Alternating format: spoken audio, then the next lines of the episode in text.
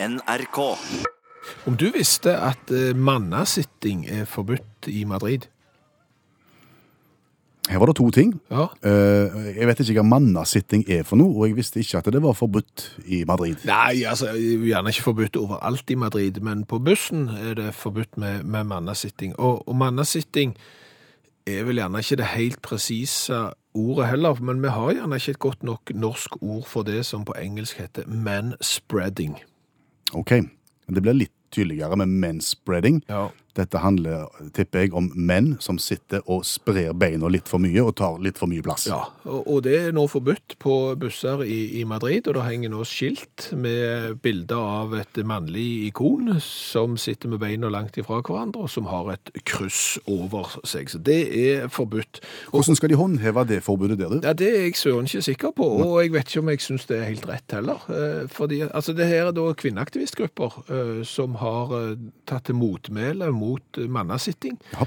og, og fått iverksatt dette her forbudet. Men, men, men det at vi sitter sånn som vi gjerne sitter, Ja. som gjør at det blir forbud i Madrid, Ja. skyldes det at vi bare ikke bryr oss, at vi er uhøflige, eller er det anatomiske årsaker til at vi gjør det? Ja, veldig glad for at det spørsmålet kom, eh, for dette her eh, er nok, det er nok mange eh, fragmenter i, i denne ligningen her. Eh, Og, og en av de er jo blant annet det at menn er jo større og lengre enn kvinner. Høyere. Ja. Eh, For eksempel norske menn er i snitt 180 cm høye. Damene er 165,5. Altså nesten 15 cm forskjell. Nederlenderne, som er det lengste folkeslaget i verden, eh, der er mennene 1,82,5, mens damene er 1,68,7. Der òg ca. 15 cm forskjell. Og disse 50, 15 cm forskjell, det er jo ikke noe vi tar ut bare i overkroppen. Nei, de finnes også i underkroppen. Ja, Ja. Så, så beina våre er jo i snitt lengre enn beina til damer. Men må vi spre de ut av den grunn? Ofte så må vi det. Eh, Gjerne ikke overalt. Altså Sitter du på en benk alene i en park, så, så må du jo ikke spre beina fordi det ikke er plass til de fram forbi deg. Nei. Men sitter du f.eks. i et fly eller et trangt bussete, så er det jo sånn at knærne dine de vil stange mot seteryggen foran. Og for å få litt eh, komfort, så, så må du ta beina og spre de litt fra hverandre. Så det har jo litt med beinlengden å, å gjøre. Eh, Er det andre anatomiske årsaker inne i bildet her, i tillegg til beinlengde? Ja, det der er jo det. eh, og det er derfor jeg syns det er litt urettferdig at kvinneaktivister går så langt at de vil forby mannasitting mange plasser. For vi er jo skapt annerledes enn damer, sånn rent genitalt. Vi har jo utenpåliggende utstyr. Det er remedier som skal ha plass. Ja, og ikke er vi utstyrt sånn som kenguruene heller. Altså, det er jo ikke sånn at vår skrotum, eksempel, vår pung, eh, kan flyttes på.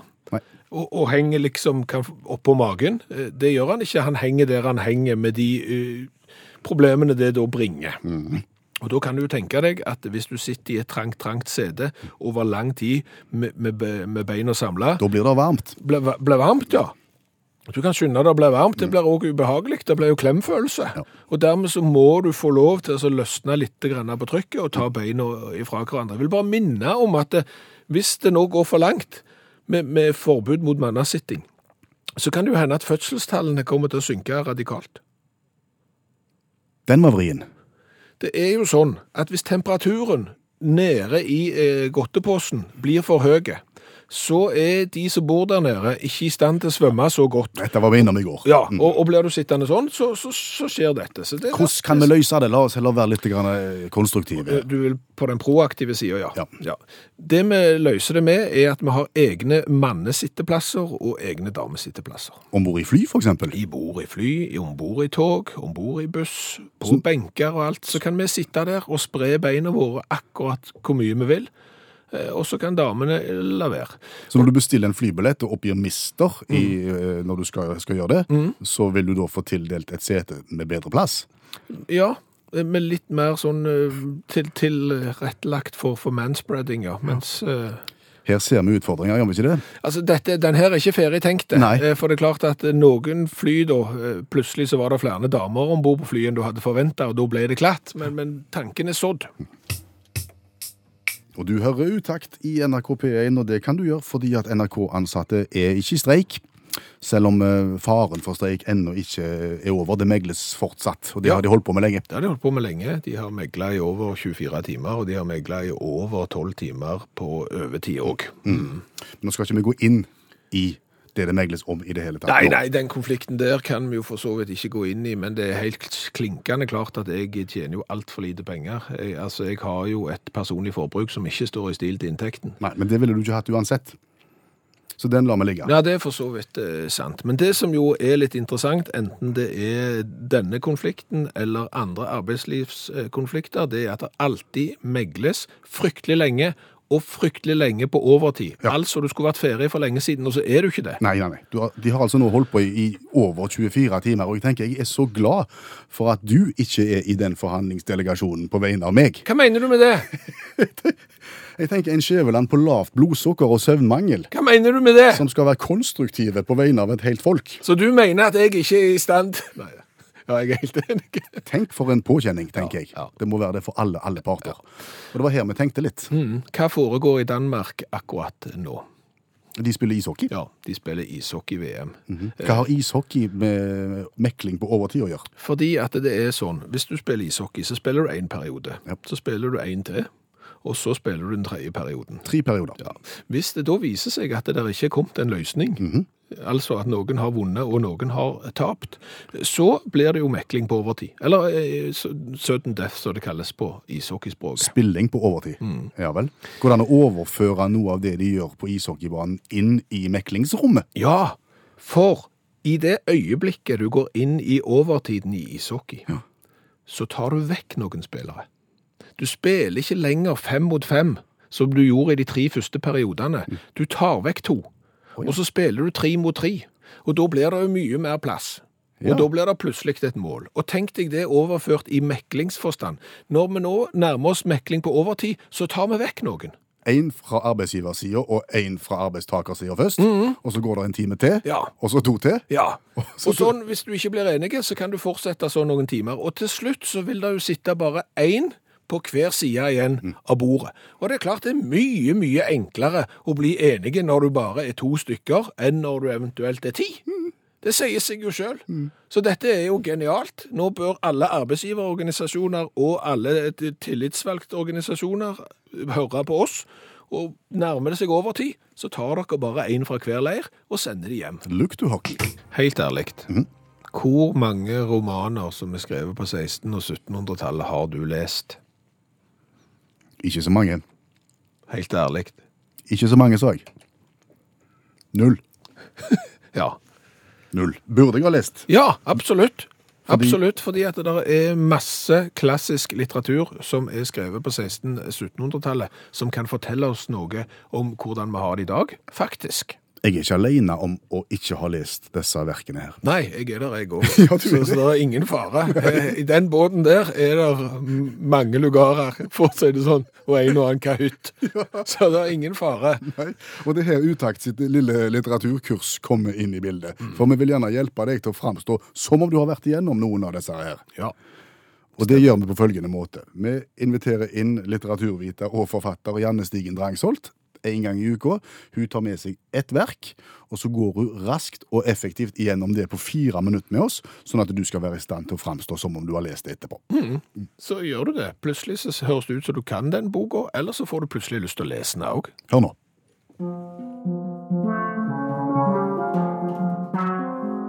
Moll Flanders av Daniel Defoe fra 1722. Den berømte Moll Flanders lykke og ulykke etc., som var født i Newgate, og som gjennom et stadig omflakkende liv i 62 år, foruten hennes barndom, tolv år som hore, fem ganger hustru, hvorav en gang med sin egen bror, tolv år som tyv, åtte år som deportert forbryter i Virginia, som til slutt ble rik, levde ærlig og dog som botferdig synder. Nedskrevet etter hennes egne antegninger. Er det en faktisk person? Nei, eller egentlig så er dette det første eksempelet på virkelighetslitteratur. Fordi at eh, Daniel Defoe hevda at han hadde skrevet ned historien til eh, ei som han hadde truffet i et fengsel i London. Men det som er fint med denne, det er at det som jeg leste opp nå, det er tittelen. Hva? Alt dette er tittelen på boka. Så dette, når vi sier at den heter Moll Flanders, så er det bare fordi vi ikke orker eller klarer å huske alle de detaljene som er lista opp. Så dette er ei bok der det egentlig holder å lese tittelen, og så er du ferdig. Nemlig. Jeg ble litt opphengt i huset og var gift. Hvor mange ganger var hun gift med bror sin? Her? Ja, Hun var gift bare med én gang med broren, men hun var gift eh, fem ganger, da. Ja. Eh, Altså, Hvis jeg hadde møtt et menneske med en sånn en CV, Ja. så hadde jeg hatt veldig lyst til å bli litt bedre kjent med vedkommende. Så jeg får lyst til å lese boka. Ja, ja, ja. Men det som er det at det, For den er jo fra 1722. Og hun, Molf Lenders hun fremstår egentlig ikke som en sånn en eh, gjennomført karakter, da. Eh, så det er mest en sånn For det første så er det en pikaresk roman. Det? Og det betyr at det er bare mange episoder som er satt sammen i en sånn stor fortelling, uten at de egentlig nødvendigvis hører så veldig sammen. Eh, og så er det òg en moraliserende roman. For de heier jo ikke på altså Daniel Defoe heier jo ikke på alle denne horinga eller eh, stjelinga som Molf Landers driver med. Så det er jo eh, liksom en fortelling som skal prøve å få deg til å bli et bedre menneske ved å vise hvordan du ikke skal leve. Ok, Så horer du, eh, stjeler og gifter deg med broren din og gifter deg med fire andre, så går du deg ille og du havner i fengsel til slutt. Ja, og hun får enormt mange barn òg eh, underveis. Men de setter du liksom vekk. Du mister litt oversikten hvor de forsvinner hen, men de liksom forsvinner litt underveis. her var det rein til. Du, kan du Har hun noen sympatiske trekk? Blir vi litt glad i henne på noe vis? Jeg er litt sånn godt humør. Ja, ja. Ja, ja. Nå gifter jeg meg med broren, og, og nå skal jeg ut og hore meg til, men i det gode humøret kan du ikke ta fra meg. Det gode humøret mitt får du aldri. Er det noen berømte sitater fra, fra dette verket? her? Nei, det er det ikke. Eh, Fordi det- disse, herrene, eh, disse romanene som kom fra, fra 1700-tallet Veldig lange setninger, og ganske sånn gørre setninger òg. Så her er det ingen gode sitat. Egentlig beste sitatet er jo tittelen, da. Ja. Men eh, det som er fascinerende med, med denne boka, og som gjør at den kanskje er litt sånn aktuell i dag òg, det er at det, problemet til Moll Flanders er jo at hun vil bli liksom en del av den øvre sosieteten, litt sånn aristokratiet og sånn. Og det er jo det som er feilen hennes, for at hun hører jo egentlig hjemme i middelklassen. Så når hun skjønner det, at hun hører hjemme i middelklassen, det er da det begynner å gå greit for henne. Så det er jo noe som vi kan huske på noen og enhver. Så det vi må lære her, er at vi må holde oss på den plassen der vi egentlig hører hjemme. Ikke late som om vi er noe bedre enn vi faktisk er. Ikke gjør oss til. Nei. Men lange setninger, bok fra 1720, men egentlig et ganske artig plott, høres det ut som. Det, Ja. De har skusla det vekk litt her. Ja, de har det. Eh, og jeg tenker, for det, den har jo òg blitt gjort om til film et par ganger. Men eh, han, det er liksom ingen av de filmversjonene som er liksom spesielt kjempebra. Så her, da. Det ligger et potensial her til å lage både en veldig gøy fortelling og en gøy film. Vil du være så grei å oppsummere verket til slutt her nå? Ja, det er jo egentlig veldig enkelt. Det er Moll Flanders. eh, dårlig barndom. eh, Tolv år som eh, hore, fem ganger som kone, annet en gang med, med bror sin. Litt fengsel og litt stjeling. Ja. Og veldig piktoreskt. Veldig piktoresk. Men hva var det det var? Pikaresk heter det. Pikaresk. Ja. Ja. Mange episoder. Mange episoder. Og jeg kan legge til at det samme gjelder Don Quijote, som vi har tatt i et tidligere program. Har vi det da? Det tror jeg. Hjertelig tusen takk, Janne Stigen Drangsholt, forfatter og litteraturviter.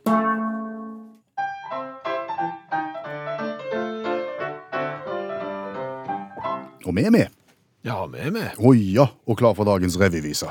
Ja, det er der vi utfordrer hverandre til å kikke litt med skråblikk på nyhetsbilder rundt omkring i verden, og synge det i løpet av 27 sekunder i sangsform. Min tur i dag. Ja.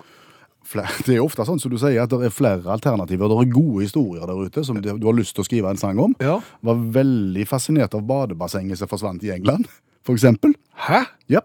Forsvant et badebasseng? Stort badebasseng, Bristol, England. I løpet av én natt så var en halv million liter vann borte. Husj, vekke.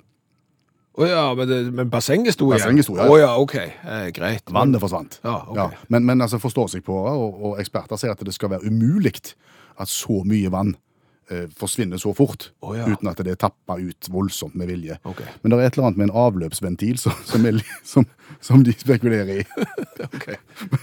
Det var et rart syn som møtte de ansatte. Hvor er vannet? Enda rarere syn møtte han som stupte uti uten å sjekke først. Oh. Nei, men det, det ble ikke den. Nei. Det ble historien om Jacqueline, som da er Det er jo en trist historie, men så den, den har jo et komisk tilsnitt allikevel. Jacqueline, kvinne fra Amerika, dømt nå eh, for å ha sendt 65 000 SMS til samme mann i løpet av ett år. 60, 65 000. 65 000 SMS-er i løpet av ett år. Hvor, hvor mange blir det til dagen? altså, hun begynte med 500 til dagen, Oh, ja, såpass, ja. ja, men så tok det litt av etter hvert. Så det ble betydelig mer enn det òg, skjønner du.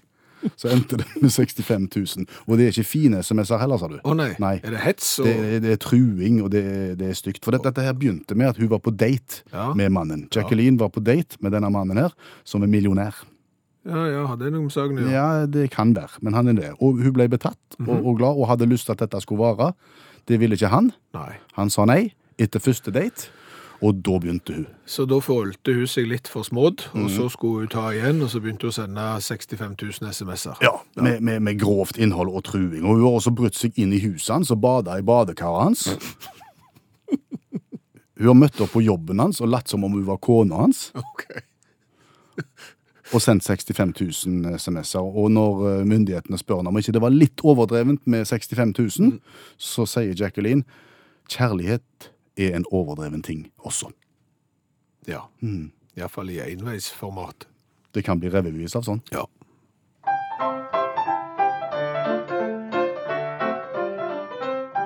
Jacqueline gikk på date og fant mannen ganske heit. Han var også rik, en ekte millionær. Jeg vil ha deg, sa hun, men rikingen sa nei, selv om hun la seg ned og ba på sine knær. Og det var da hun begynte å sende SMS-er, der hun truer og den stakkars mannen presser. Men nå er det slutt, for meldinger er krutt når du bruker mobilen som gevær. Når du ikke får hele historien, så begynner du gjerne å dikte litt sjøl. Du lager dine egne plausible forklaringer eh, på ting. På hvordan ting kan ha skjedd? Ja. For eksempel nå. Et Picasso selvportrett med en anslått verdi på nærmere 560 millioner kroner Oi. skulle auksjoneres bort i New York, men er blitt ødelagt og trukket tilbake fra auksjonen. Hvordan har det blitt ødelagt? Nei, det, det står ikke her det. Det er det som er greia, at auksjonshuset forteller ikke hvor omfattende skaden er, og hvordan skaden skjedde. Og det er da du begynner å få bilder i hodet. Ja, du, du gjør jo det. Ja. Eh, Du tenker, er det en fra auksjonshuset som har kommet litt bardust ut av ei svingdør der med to kopper kaffe med, med, med, med, melk og, og sukker? Og og brød. Oi sann! Det, det var jo tåpelig. Ja. Eller er det en som rett og slett har båret litt uforsiktig og, og klart å ødelegge maleriet på den måten? Til en halv milliard. Til, til nærmere en eh, halv milliard. Ja. Ai, ai, ai. Du, du begynner jo å lage sånne historier sjøl. Og, og i denne artikkelen som omtaler dette, så er det liksom det er ingen eksakt forklaring. De bare gir deg noen små hint, noen små insinueringer som gjør at du kanskje bare fortsetter å bygge på denne historien. Ja, er det mer? Ja, fordi at det er ett bilde til av Picasso. Eh, Det velkjente Femme au chat Assistons sin fauteuil. Nei, eh, det betyr kvinne som sitter i lenestol med katt på fanget. Og så har hun jo øya midt i pannen òg. For det er jo, det er jo et Picasso-bilde. Ja. Det òg er trukket fra denne auksjonen. Fordi det ble ødelagt? Ja. Og vi vet heller ikke hvordan det skjedde? Nei, Ingen wienerbrød, ingen kaffe, ingen Nei, snubling? det sies ingenting om det, men det det sies er at eieren av begge disse maleriene, som er trukket fra auksjonen, er den samme mannen. Å ja. Er han rike? Steve Wynn. Han har gjort seg til milliardær på eh, kasino, og han eide disse to eh, Picasso-maleriene. Og så kan du jo lure på, eh, er det Steve der er noe galt med? Er han uforsiktig? Ja, eh, kanskje. Ok. Fordi at i 2006 så klarte denne milliardæren på litt uheldig vis å lage hål med albuen sin i et tredje Picasso-mesterverk, nemlig Le Rêve, som òg ble solgt for en hel bråde med penger. Med albuen? Ja, det klarte han på kontoret sitt i Las Vegas å få til. Og igjen, Ja. historien bare gir deg små stikkord, så du må lage den nesten sjøl. For ifølge The New York Times, da, Ja. så lider denne Steve Wynn, denne milliardæren, av en øyensykdom. Ops. Som kan være årsaken til hans gjentatte uhell med Picasso-bilder, står det. Skal vi se. Skal vi se, nå skal jeg Den må du nesten se. Ja, nå lider jeg av en sånn øyensykdom, så dybdesynet mitt er vekke. Så det er omtrent Oi, der stakk jeg visst hull i det. Jeg skulle egentlig bare peke på det. Sorry, det kom litt bardust. Han som er god for milliarder, burde kanskje ansatt noen til å ta seg av bildene Ja, eller så og holde han på avstand. Ja, det er jo sånn på museer, så er det jo en sånn inngjerding rundt bildene. Det burde kanskje Steve ha. Rundt seg. Både på kontoret, rundt seg og overalt. Du, vi snakket om eh, ødelagte Picasso-maleri. eh, Skjør, gammel kunst. kunst. Og den beste måten til å få folk til å ødelegge og ta på sur gammel kunst, det er jo å Da må du sette opp et skilt så, som sier 'ikke ta på kunsten, den er skjør'. Ja, ikke rør. Eh, Da er det garantert at folk skal ta på det. Og det har jo skjedd opp gjennom alle år, det at eh, museer har fått ødelagt ting fordi folk har, har gjort ting de ikke burde. For eksempel, den her fingeren på denne gamle, antikke romerske statuen av marmor, sitter den fast? Ja, men hvis jeg drar enda hardere igjen da, sitter den fast da? Eh, nei. Nei. Der ser du. Og sånn har folk ødelagt. Og apropos bilder med, med hull i. Hvis du drar til Taipei-museet, eh, da er du i Taiwan. Der var det en tolv år gammel gutt som sto og kikket på 350 år gammelt oljemaleri til en verdi av ca. 2 millioner kroner. Så havna han i litt ubalanse, Oi sann, eh, og så prøvde han å ta seg for, oi sann. eh, og tok da hånda gjennom bildet. Det er ikke en god følelse. Nei, eh, han, eh, det var ikke hans skyld, og overvåkingsbildene viser at det var et rent uhell, men dette var et bilde som var lånt av en privat samling. Det er klart en litt vonde telefon å ta. Du, eh, der er hål i bildet ditt. Ja. Beklager, men sånn ble det. Ja. Men ingen eh, har vel gjort mer for eh, museer og ødelegging eh, av ting enn Nick Flynn. Hva gjorde Nick Flynn? Altså, Nick Flynn var og besøkte et museum i Cambridge. De hadde da en utstilling av Ming-vaser fra King-dynastiet. De er mye verdt. Ja, er, er det, er det Ming-vase hvis det er fra King-dynastiet? Ja, da er det en King-vase. Da er det King-vase. De hadde iallfall flere av de, til en cirka verdi av to millioner eh, kroner. Ja. Ja. Så er jo greia det at eh, disse vasene ender jo opp med å bli knust. De gjør det, ja. Ja. Av, en, eh, av Mr. Flynn? Ja, av Mr. Flynn. For det som skjer er at Mr. Flynn han detter og, og kommer borti disse vasene, og de knuser. Står de sånn til at han knuser de av at han detter? Det er jo det Nick sier her, at eh, noen har jo ikke tenkt. For hvis du skal stille ut eh, Ming-vaser fra, eller King-vaser som er verdt to millioner kroner, så bør du gjerne tenke deg om. Museet hadde da plassert disse King-Ming-vasene i en vinduskarm. Oi. Som han skulle forbi? på en måte. Fordi at, se for deg eh, en sånn, et godt museum med tofløya trapp, jeg vet ikke hva det heter for noe. Da går ei trapp ned til et depot, Ja. og så går det ei annen trapp ned til det samme depotet. De går liksom ned fra begge sider. Det er nesten som om du skulle vært eh, ombord i Titanic og gått inn den hovedtrappa Ja, der. I bunnen av den trappa der, i vinduskarmen, der har museet greid å plassere vaser til en verdi av to millioner kroner. Ser vi for oss at eh, Mr. Wynn gikk på trynet i trappa? Det gjør vi. Ja. Nick Flynn han eh, hadde dessverre den dagen vært litt eh, grann slumpen med å knytte sko. Oi. Eh, Han hadde da en løs skolis som han klarte å trø på midtveis i trappegangen, og gikk på trynet ned trappa og havna inn i vinduskarmen. Jeg, jeg har bilde av det òg. Og han knuser samtlige vaser. Oi. Eh, han blir først tiltalt, eh, for de mente kanskje at det ikke var et uhell, men eh, etter en stund så ble han da frikjent, eller han ble ikke sikta, fordi det var et uhell. Og mange spurte etterpå, fikk du ikke dårlig samvittighet for å knuse to millioner eh, kroner i Ming-vaser? Han svarte nei, når de er så dumme å sette de der som de har satt de, så får de som fortjent. I tillegg så ble det jo en publikumstilstrømming av en helt annen verden, for alle ville dra og se vinduskarmen der denne ulykken skjedde. Så han mente til slutt at han hadde gjort museet en tjeneste. Hva har vi lært i dag? Å, du all verden, vi har lært eh, ganske mye i dag òg. Vi har jo annet lært det at såkalt mannesitting er forbudt i Madrid. Mannesitting er ikke et godt ord for det, men det er vel kanskje det beste ordet vi har på norsk, eh, for det kalles manspreading. Ja, det er menn som sitter og sprer beina litt for bredt og tar opp for mye plass. Ja, eh, Brynjulf foreslår jo at eh, vi kanskje kan få et veldig godt norsk ord til dette, i norsk i gåseøyne, med å kalle det trumping. Trumping. Ja, for hvis du ser bilder av Donald Trump når han eh, sitter, så ser du at han eh, har beina godt fra hverandre, og, og det kan jo da være trumping. Så det er jo et eh, veldig godt innspill. Da må du ha litt for langt slips òg. Men OK. Ja, det, det er greit. Eh, Så eh, har vi òg lært det at eh, mekling på overtid kanskje kunne vært unngått. Ved å se til ishockey.